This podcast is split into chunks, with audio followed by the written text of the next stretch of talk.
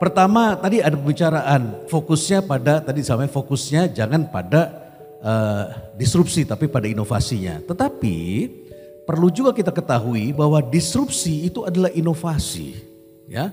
Inovasi itu ada dua macam. Yang selama ini kita kenal itu adalah inovasi yang sifatnya sustaining, berkelanjutan.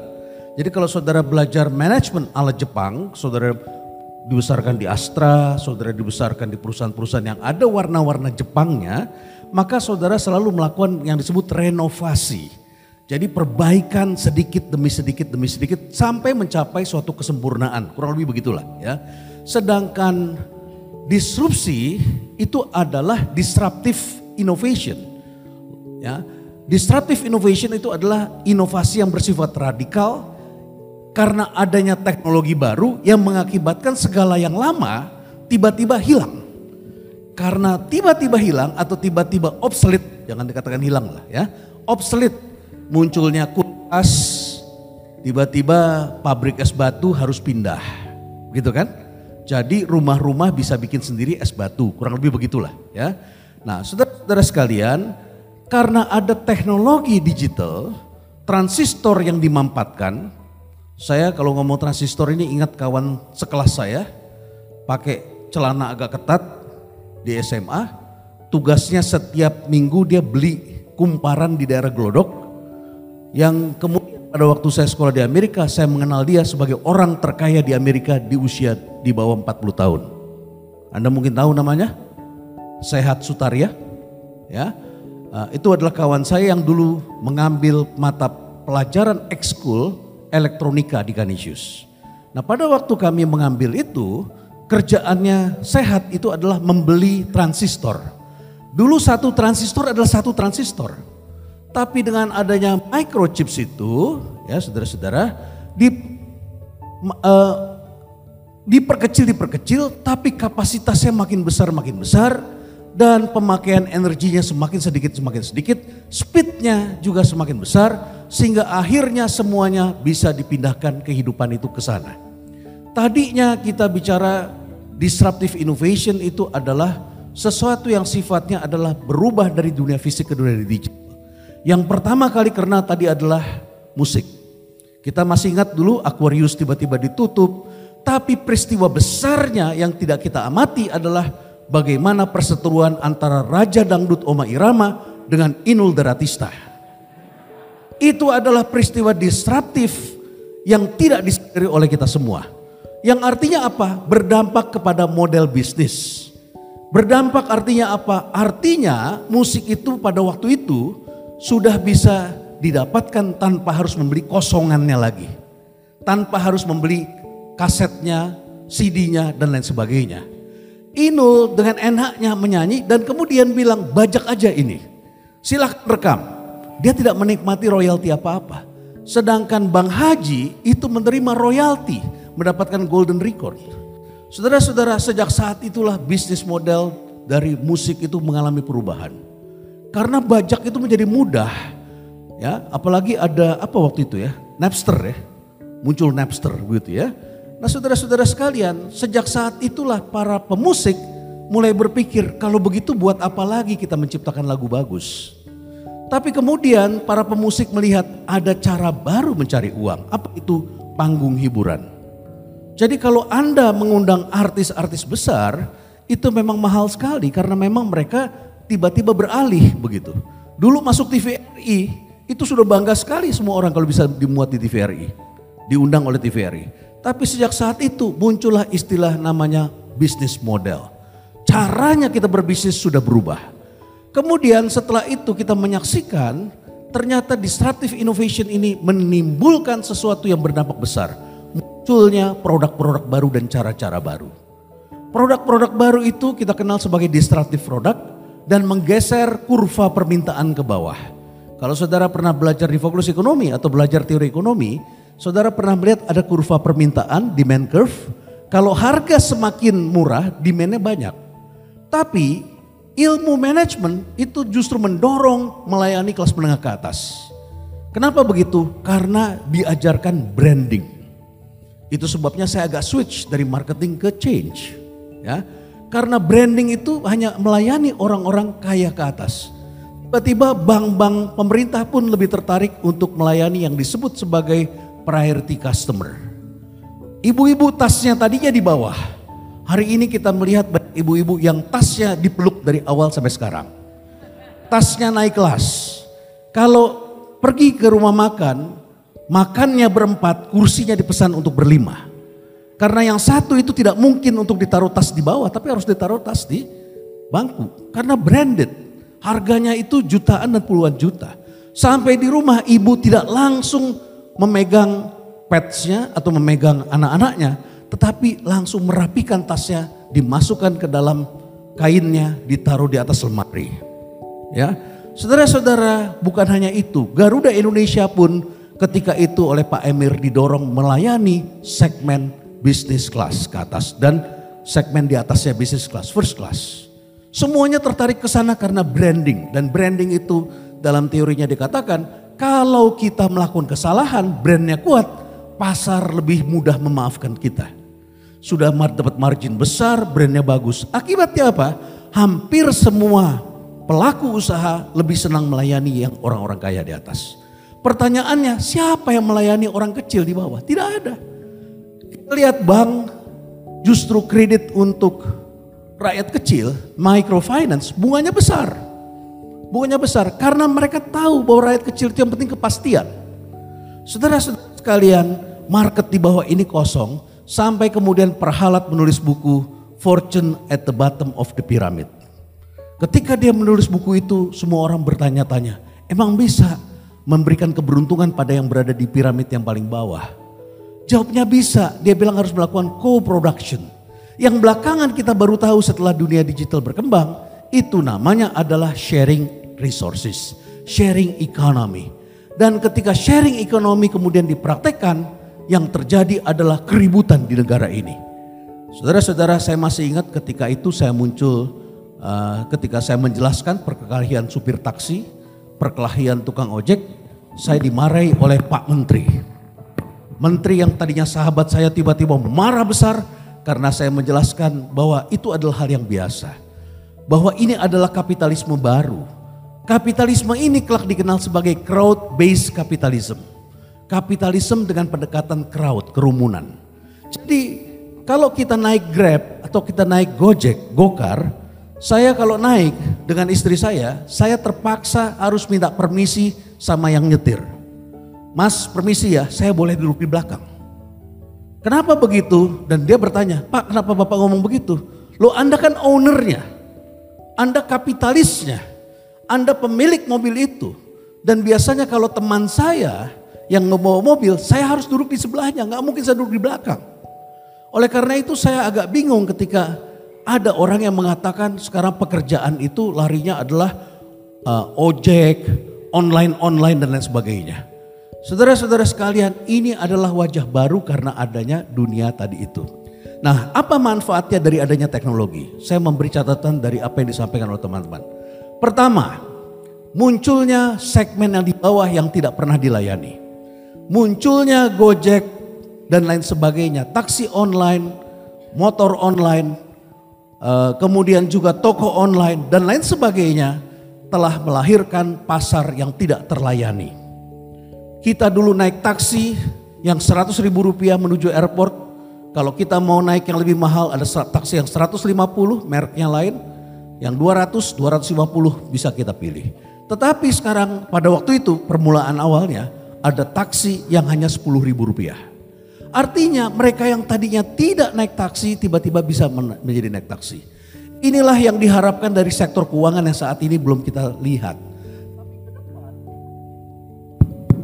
Tapi ke depan saya berpikir inilah cara untuk melakukan inklusi keuangan.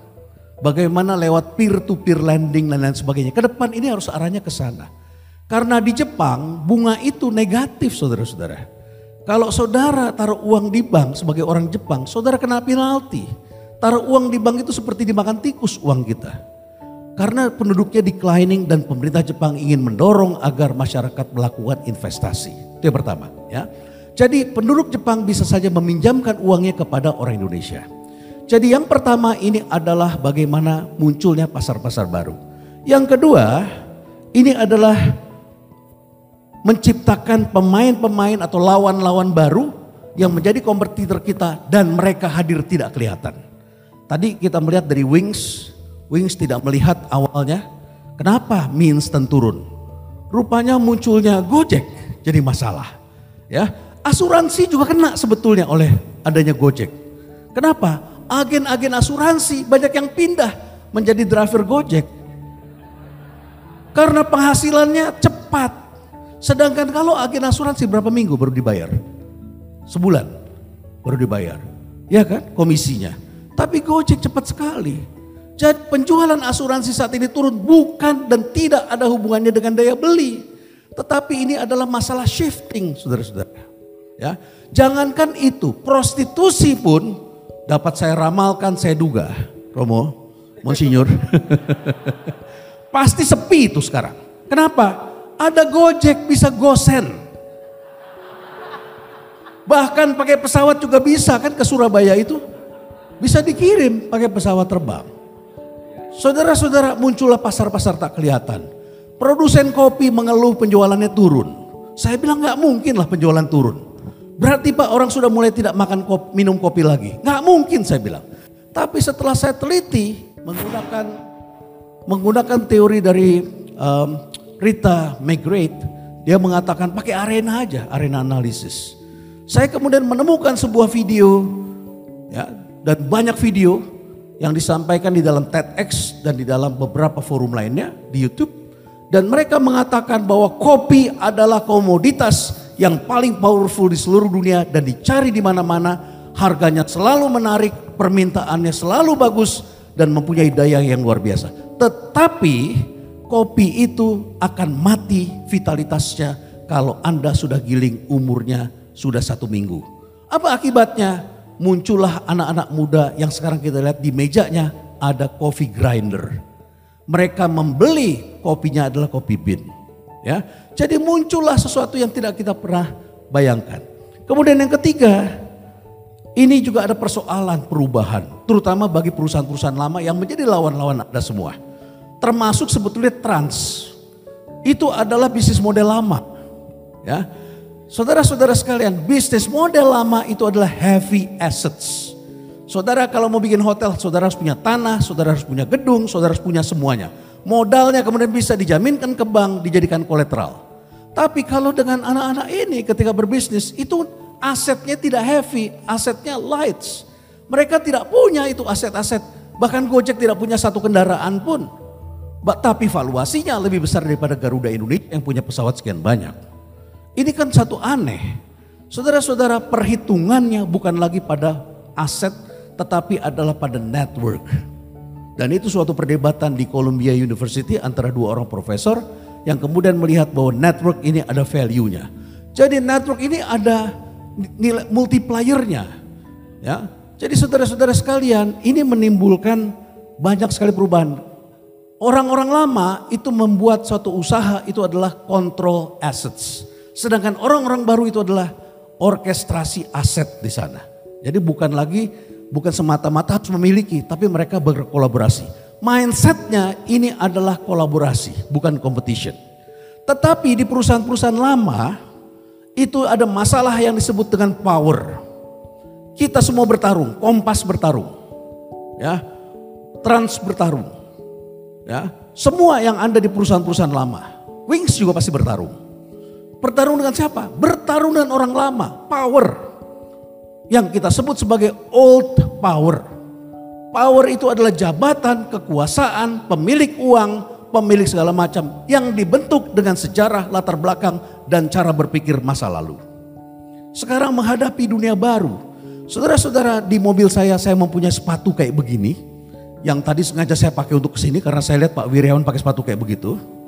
Dan saya diberitahu tamu-tamunya datang seperti ini. Tapi tadi pagi saya menghadap salah satu dirutnya BUMN, saya memakai sepatu pantofel dan kemudian saya memakai baju batik seperti Bapak di sini barangkali. Saudara-saudara sekalian, dua yang berbeda. Yang satu adalah looknya yang, yang satu looknya old. Tapi kan itu baru looknya. Bagaimana mindsetnya? Mindset ini adalah power saudara-saudara. Dan di banyak perusahaan kita melihat banyak sekali kendala-kendala melakukan perubahan itu adalah pada power. Kenapa ini penting? Karena bisnis model kita dengan adanya dunia digital tidak bisa seperti yang lama. Orang-orang yang membuat surat kabar digital online biasanya dibesarkan dan dilahirkan dari koran-koran cetak. Dan ketika mereka kemudian masuk ke dunia online, mereka pindahkan semuanya kecuali satu, yaitu outputnya bentuknya digital. Bisnis prosesnya sama dengan dunia cetak tadi. Padahal dunia baru ini mempunyai bisnis proses yang berbeda dengan dunia lama. Tidak bisa kita samakan, kita pindahkan begitu saja. Bisnis proses ini akan mempermudah kita dan membuat old power sangat berkuasa. Yang berikutnya, marketing akan tergantikan dengan yang namanya mobilisasi. The power of mobilization. Tadi kita sudah dengar penggunaan hashtag kereta MRT. Apa tadi namanya hashtagnya? Ubah Jakarta. Ubah Jakarta. Cuma sayangnya Ubah Jakarta itu belum digunakan dengan konsep the power of mobilization. Yang menggunakan ini sementara adalah dunia politik. Atau dunia yang agak sedikit jahat-jahat begitu. Saudara-saudara, 212 itu adalah mobilisasi. Hashtag ganti presiden adalah mobilisasi. Save Audrey.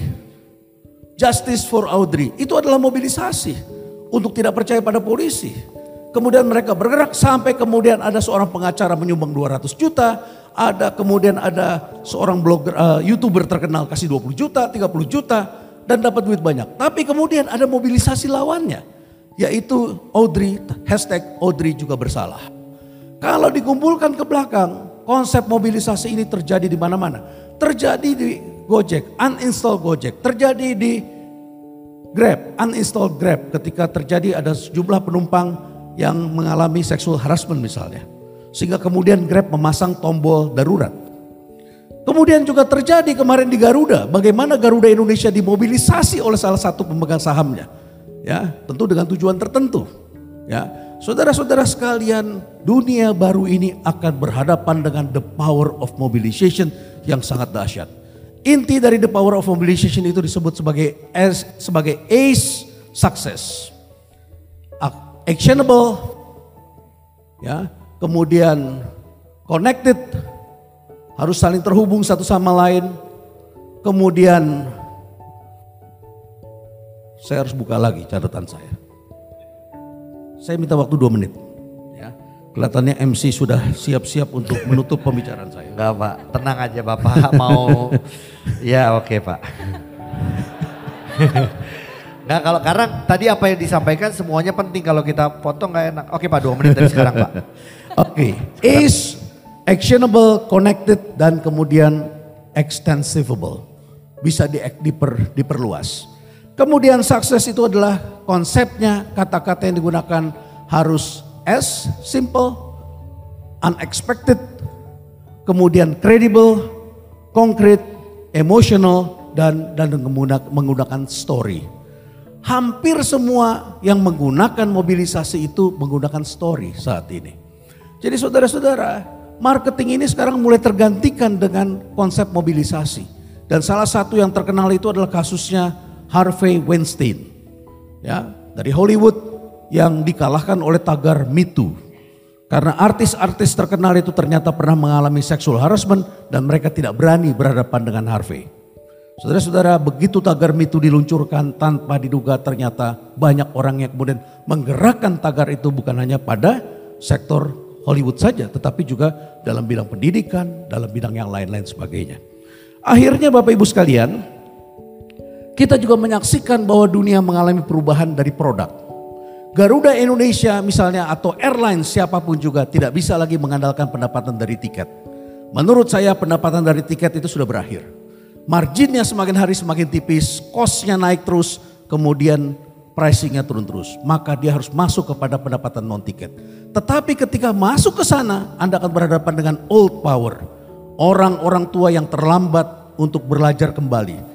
Mereka terkejut bagaimana sebuah perusahaan startup yang modalnya hanya 15 miliar rupiah tetapi bisa memberikan signing fee kepada Garuda 239 juta dolar. That is non-ticket income. Bank tidak bisa lagi mengandalkan pada interest margin. Sekarang memang masih besar, tapi memerlukan yang namanya fee base.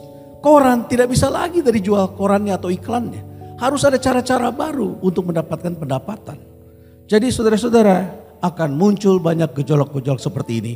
Dan apa yang saya ceritakan tentu saja belumlah termasuk dampak negatif dari disruptions. Setiap revolusi, setiap perubahan pasti ada dampak-dampak negatifnya. Untuk itu barangkali kita harus juga melihat secara fair bahwa apa yang kita ciptakan dari teknologi ini tidak hanya menciptakan manfaat, tetapi juga menciptakan dunia remang-remang, mempertemukan para penjahat di dunia maya, mempertemukan mereka yang mencari keuntungan. Uh, belum lama ini ada seorang perempuan namanya adalah uh, Bell Gibson yang menderita kanker otak dan kemudian akhirnya mengumpulkan uang cukup banyak dan dia mengaku karena dia kanker otak kemudian dia beralih dia tidak lagi menggunakan dokter setelah empat bulan difonis akan mati, dia beralih kepada makanan natural. Tetapi kemudian setelah itu dia menyebarkan resep-resep buatan dia karena dia terselamatkan. Dan menimbulkan banyak harapan dari keluarga-keluarga yang anaknya menderita kanker otak. Tapi belakangan diketahui ternyata dia tidak pernah menderita kanker otak. Dan ini adalah musibah besar dari dunia yang sedang kita dalami ini. Terima kasih, tepuk ya. tangan dulu untuk Oke, tepuk tangan buat Prof Renat. Silakan Prof, terima Pas. kasih.